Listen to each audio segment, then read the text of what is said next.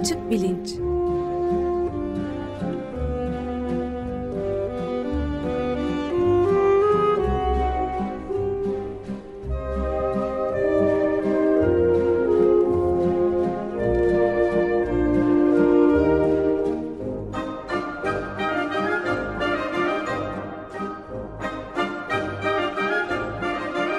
Güven Güzeldere ile bilim ve felsefe sohbetleri. Günaydın Güven Bey, merhabalar. Günaydın Ömer Bey. Günaydın. Günaydın Özdeş. Evet, e, bu açık bilinçte gene devam ediyoruz evrim serisine. Gayet dallanıp budaklandı ve epeydir de üzerinde durduk. Şimdi e, İzzet Duyar'la beraberiz herhalde. Bu konuda konuşacağız. Siz takdim eder misiniz lütfen? Tabii memnuniyetle bugün evrim tartışmalarına e, fiziki antropoloji açısından yaklaşacağız. E, konuğumuz Profesör İzzet Duyar. Hoş geldiniz İzzet Bey. Sağ olun, teşekkür ediyorum. Merhabalar, hoş, hoş geldiniz. geldiniz. Hoş geldiniz. Hoş bulduk. Teşekkür ediyorum. Şimdi, son birkaç haftadır e, evrim kuramının e, biyolojiyle etkileşim içine giren diğer disiplinleri nasıl etkilediği ve onlardan nasıl etkilendiğini örneklemeye çalışıyorduk. Ee, işte bilim felsefesi, arkasından e, hesaplamalı bilimler, e, fiziki antropoloji de aslında bunlardan bir tanesi. Evrimsel düşünceler olmadan e, aslında e, kuramsal bir zeminini e, oluşturması zor e, fiziki antropolojinde. Bugün de bundan biraz örnek verelim istiyoruz. E, konuğumuz Profesör İzzet Duyar İstanbul Üniversitesi Antropoloji Bölümünde öğretim üyesi. Lisans eğitimi Ankara Üniversitesi'nden, doktorası Hacettepe Üniversitesi'nden insan evrimi konusuyla özel olarak ilgileniyor ve e, işte çocuklarda, ergenlerde ve yaşlılıkta evrim e, de kendi uzmanlık alanları arasında biraz bunlardan da bahsedeceğiz aslında. E, benim daha önce yer bilimlerindeki tarihlendirme yöntemlerinin nasıl biyolojiyi etkilediğini e, anlatmaya çalıştığımız programda e, Nusret Dalfes'in konuk olduğu programda söylemeye çalışmıştım. E, bence evrim kuramının bu kadar e, kökleşmesinde, yaygınlaşmasındaki önemli faktörlerden bir tanesi işte biyolojinin diğer alanlarla etkileşimi. E, antropoloji de bunların başında gelen bir alan aslında. E, İzzet Bey siz ne dersiniz? Bu konunun uzmanı aslında sizsiniz. İnsan evriminden başlayıp biraz da e, antropolojide evrimsel düşünceler, işte çocukluk evrimi, yaşlılık evrimi gibi konuları nasıl etkiliyor? Bunlardan bahsedebilir miyiz? Tabii. Şimdi şöyle söyleyeyim, tabii e, diğer bilim dallarında olduğu gibi yani evrimle ilgili diğer bilim dallarını kastediyorum. E, antropoloji de e, evrimin ana ekseninde yer alan, evrim olmadan insanın geçmişini, bugüne gelişini anlatan bir perspektiften yoksun oluruz. Bu bir realite. Dolayısıyla insanın nasıl yeryüzünde göründüğü ve daha sonra hangi aşamalardan geçtiğini e, evrim düşüncesi olmadan da açıklamak mümkün değil. Bir kere önce bunu e, baştan belirtelim. Tabii e, zamanında işte e, yaratılışçılık düşüncesi, e, katastrofizm düşüncesi bunlar zaman zaman e, belli açıklamalar getirmeye çalışmıştır ama evrim e, teorisinin, bilimsel evrim teorisinin 1800'lerin ortasında artık e, gündeme gelmesiyle birlikte bu görüşler, bu düşünceler tamamen bir kenara bırakılmak durumunda kalınmıştır. Çünkü artık biz e, antropoloji dışında bir de evrimsel antropolojiden bahseder olduk. Neden? Çünkü insanın e, bu sözünü ettiğimiz e, gelişim süreci içerisinde, değişim süreci içerisinde e, hangi e, yapıları geliştirdiği, önce tabii biyolojiyle bağlantılı olarak ama insanın bir farkı var diğer canlılardan e, sosyalliği de geliştirmesi çok önemli. Yani burada e, sosyal yapıların e, evrimin belli aşamalarında devreye girmesi insan evrimini çok daha farklı bir noktaya taşımıştır. Yani bugün insanın yeryüzündeki konumunu, e, onun özelliklerini dikkate alacak olursak, burada mutlaka o biyolojinin yanı sıra gelişen sosyal e, bağlantıları, ilişkileri de e, açıklamak e, gerekiyor. Şimdi e, e, yani kültürün ortaya çıkması, e, insan ilişkilerinin yeni bir e, perspektifte ele alınıp e, insan toplumlarını ya da sosyalliğini besleyecek şekilde e, oluşması burada en önemli e, nokta. E, ki biz biliriz ki bütün canlılar dünyasına baktığımızda insanın ayrı bir konumu vardır ve bu ayrı konum aslında e, şimdi ayrı konum derken bunu e, niteliksel olarak ayrı bir durum değil de e, kültürü, sosyalliği daha fazla kullanan, diğer canlılara göre günlük hayatında daha fazla kullanan canlı olarak biliriz. E, yani sosyallik insana özgü değil tabii ki ama insan sosyalliğinin de çok daha ileri boyutlarda olduğunu herhalde hepimiz teslim ederiz. Bu konuda bir e, yani tartışmanın olacağını pek e, düşünmüyorum. İşte e, o biyolojik evrimin yanı sıra bu sosyalliğin ve sosyal ilişkilerin katılması e, insan e, yaşamını, toplumları, toplumsal ilişkileri tamamen kökünden değiştirmiştir. İşte bunu aslında e, 1600'lerde, 1700'lerde e, başta İskoç aydınlanmacıları olmak üzere bunlar da dile getirmişti. Ama bunların elinde çok fazla bir veri yoktu. E, işte e, Hume'u hatırlayacak olursak, Locke'u hatırlayacak olursak insanın bir e, doğal durumdan bir insani duruma geçtiğini ifade eder bu e, düşünürler. E, hepimiz bunları e, esas kaynaklarından biliyoruz. Ama o zaman elde veri yoktu. O nedenle bu söylenenler birkaç yüzyıl hatta 300 yıl diyelim biraz havada kaldı. Ama insan e, evrimine ilişkin kanıtlar yaklaşık olarak 150 yıldır elimize geçmeye başlayınca ve özellikle de 1940 sonrası, 1950 sonrasında artmasıyla birlikte artık çok daha güvenilir diyebileceğimiz e, bunu hani e, yüzde yüz demek istemiyorum ama e, elimizde de oldukça verinin biriktiğini ne anlamda insanın bir taraftan biyolojik gelişiminin devam ederken bir taraftan da sosyal ilişkilerinin, kültürünün de burada e, önemli bir örneği dilimiz. Şimdi dilimizin kullanımı, dillerin ortaya çıkışı, e, dil ailelerinin, onların ortaya çıkışında e, bu e, veriler bize günümüzde daha kuvvetli e, bakmamızı sağlıyor. Dolayısıyla evrimsel antropoloji dediğimiz alan aslında kökenleri araştırıyor. Örneğin ailenin kökeni nedir? E, ya da işte e, öğrenmenin e, etkileri, işte çocukluğun ortaya çıkışı. Şimdi şöyle düşünülebilir belki dinleyicilerimiz içerisinde ya çocukluk sonradan mı ortaya çıktı? Evet. Çocukluk insan evriminin erken aşamalarında olmayan bir e, evre, yaşam evresi. Aynı şekilde yaşlılık da yoktu.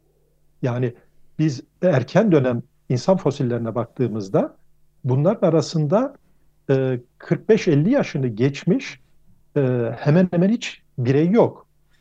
Ee, biz buradan şunu anlıyoruz. Ee, yaşlılık da aslında sonradan ortaya çıkmış. Son 30 bin, 40 bin yılda ortaya çıkmış bir e, yaşam evresi. O nedenle hem çocukluk hem yaşlılık insan yaşamına sonradan e, giren e, kavramlar. Dolayısıyla antropolojiye hani sorunuzun tekrar üzerinde duracak olursak artık evrimsel antropoloji pek çok şeyin kökeni, akrabalığın, evliliğin, bunların kökenini, dilin kökenini, e, işte ticaretin kökenini, bunları açıklayabilecek daha sağlam verilerle karşımıza gelmeye başladı. E, ben de bir şey sorabilir miyim bu arada izninizle? Tabii, yani tabii. iki şey daha doğrusu bir katastrofizm diye bir şeyden evet. bahsettiniz. Onu birazcık açıklarsanız günümüzde oldukça karanlık e, rüzgarların dört bir taraftan estiği her konuda bir ortamda katastrofizm ne anlama geliyor diye bir sormak istedim. Bir de yani mesela çocukluk ve yaşlılığın e, evriminde daha önce olmamasının yani çocukluğun olmaması nasıl izah edilebiliyor? Onun yerinde ne var? Çocuk hiç çocukluk evresinden geçilmiyor mu yani? Onu da sormak tamam. istedim. İki ayrı soru yani. Tamamdır. Teşekkür ediyorum. İsterseniz önce katastrofizmle başlayalım. Lütfen.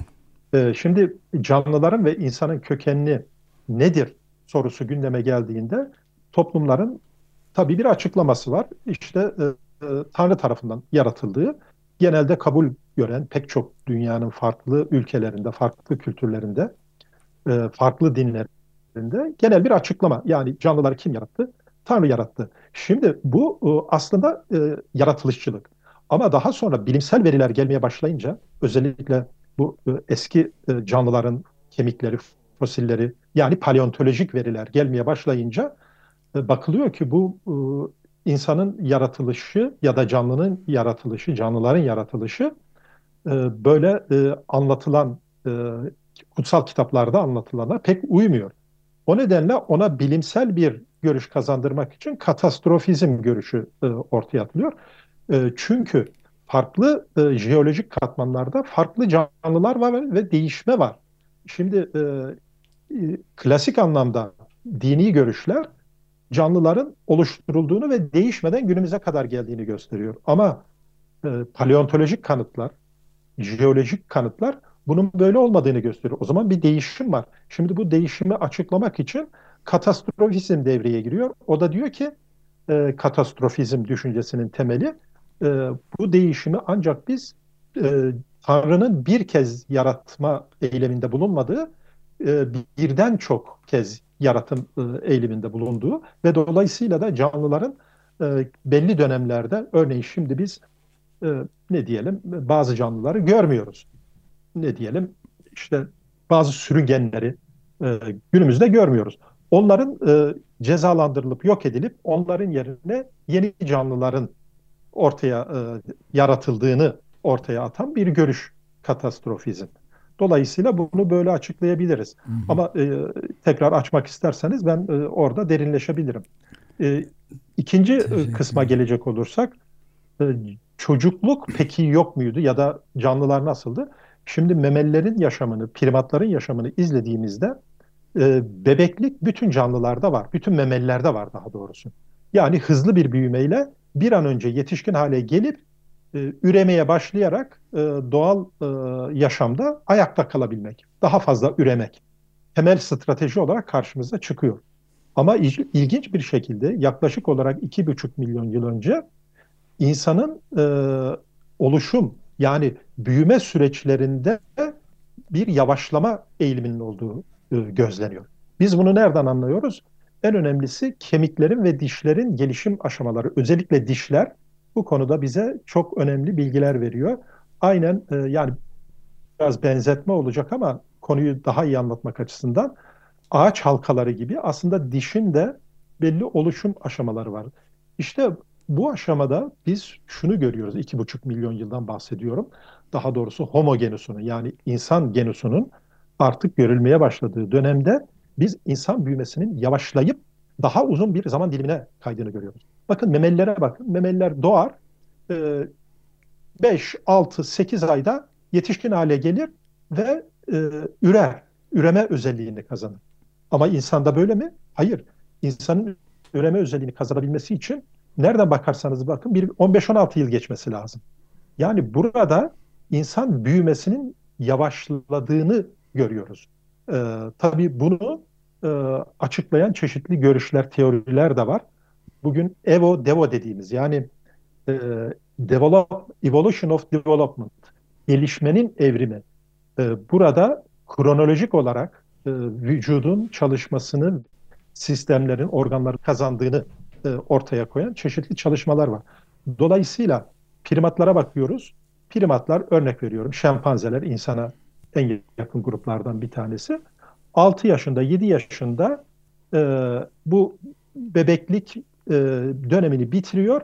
Ondan sonra onlarda juvenil dediğimiz bir dönem bizde de var aslında bu. O dönem e, devreye giriyor. Yani bizdeki gibi 3 yaşından 7 yaşına kadar olan geçen e, bir dönem onlarda yok ve arkasından hemen üreme dönemi başlıyor. E, bunu e, primatlar dünyasında incelediğimizde bu özelliğin e, bir tek yani çocukluk döneminin bir tek insanda e, olduğunu görüyoruz. çocukluk ne sağlıyor? Çocukluk bir kere e, büyümenin yavaşlanması denen bir yön. Çünkü bakın bebekler çok hızlı büyür. Bir aydan iki aya geçtiğinizde bile çok hızlı bir değişim olduğunu görürsünüz. Ama çocuklukta neredeyse sabit bir büyüme vardır. E, vücudun e, işleyişi, gelişimi, organlar, büyüme bunlar aşağı yukarı sabit bir hızda büyüyerek adeta insanın gelişim sürecini e, sürekli frenleyerek gider. Ama bunun bir kazanımı var. Birincisi e, insanın daha fazla bilgi kazanması, daha fazla sosyalleşmesi, daha fazla sosyal ilişki ve bağlantı kurması. Yani e, anne bebek ilişkisinin ya da e, anne e, özür diliyorum çocuk e, büyük anne ilişkisinin, e, büyük baba ilişkisinin ya da akrabaların ilişkisinin kurulması için e, aslında böyle bir dönem oluşuyor. Yani insanlıkta akrabalığın nasıl başladığı da bir ölçüde çocuklukla bağlantılı. Yani çocukluk olmasaydı çok hızlı bir şekilde yetişseydik e, bu hızlı bir şekilde insanın olgunlaşıp e, birden yetişkin olması haline gelecekti. Ama çocukluk yavaş yavaş belli şeyleri sindirerek öğrenmenin bir e, kazanıldığı dönem olarak karşımıza çıkıyor ve e, bir yönüyle aslında çünkü e, siz büyümeyi geciktirdikçe üremeyi de aslında ötelemiş oluyorsunuz. Ama burada çok önemli bir şey var. Hayatta kalma. Yani bilgi, e, önceki kuşakların bilgisini alabilme, onların sosyalliğini kazanabilme. Bu aslında doğada daha güvenli olma, daha e, kalıcı olma özelliğini getiriyor. Onun için özü itibariyle baktığımızda bu negatif olması gereken ya da işte dezavantaj olması gereken bu özellik insan büyümesinin uzaması e, aslında sonuçta bir avantaja dönüşüyor. E, bir de bakım oluyor tabii. Yani bebeklere, çocuklara daha uzun bakım vardır. Ve bu insanın tümel özelliğidir. Yani hangi topluma giderseniz gidin uzun süren bir çocuk bakımı vardır.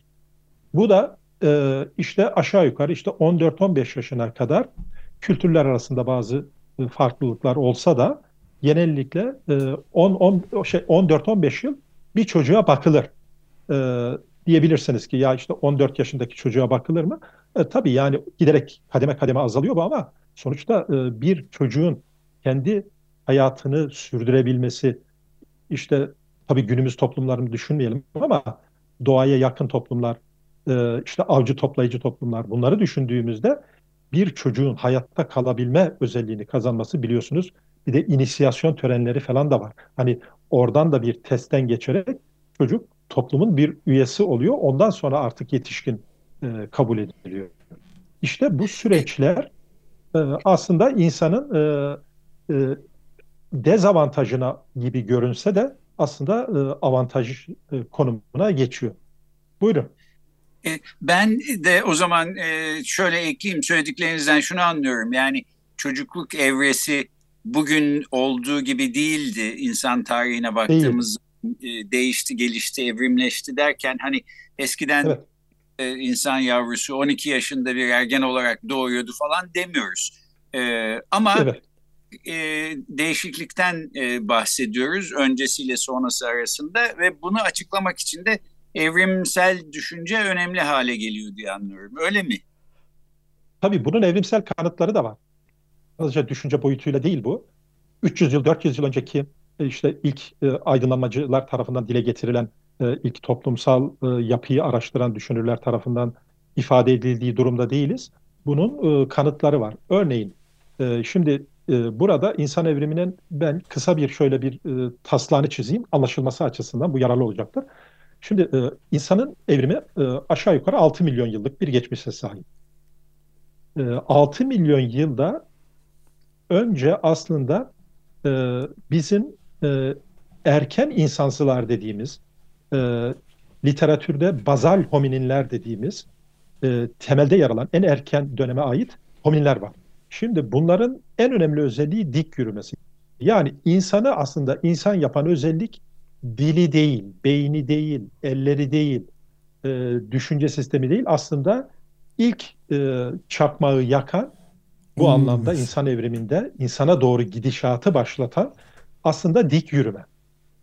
E, şimdi dik yürümeden sonra insanın e, tabii bu hemen de olmuş bir şey değil. Bu da e, insan evriminde üç aşamadan geçerek günümüze geliyor. Önceleri daha e, az e, bizim e, arizi dediğimiz bir durum.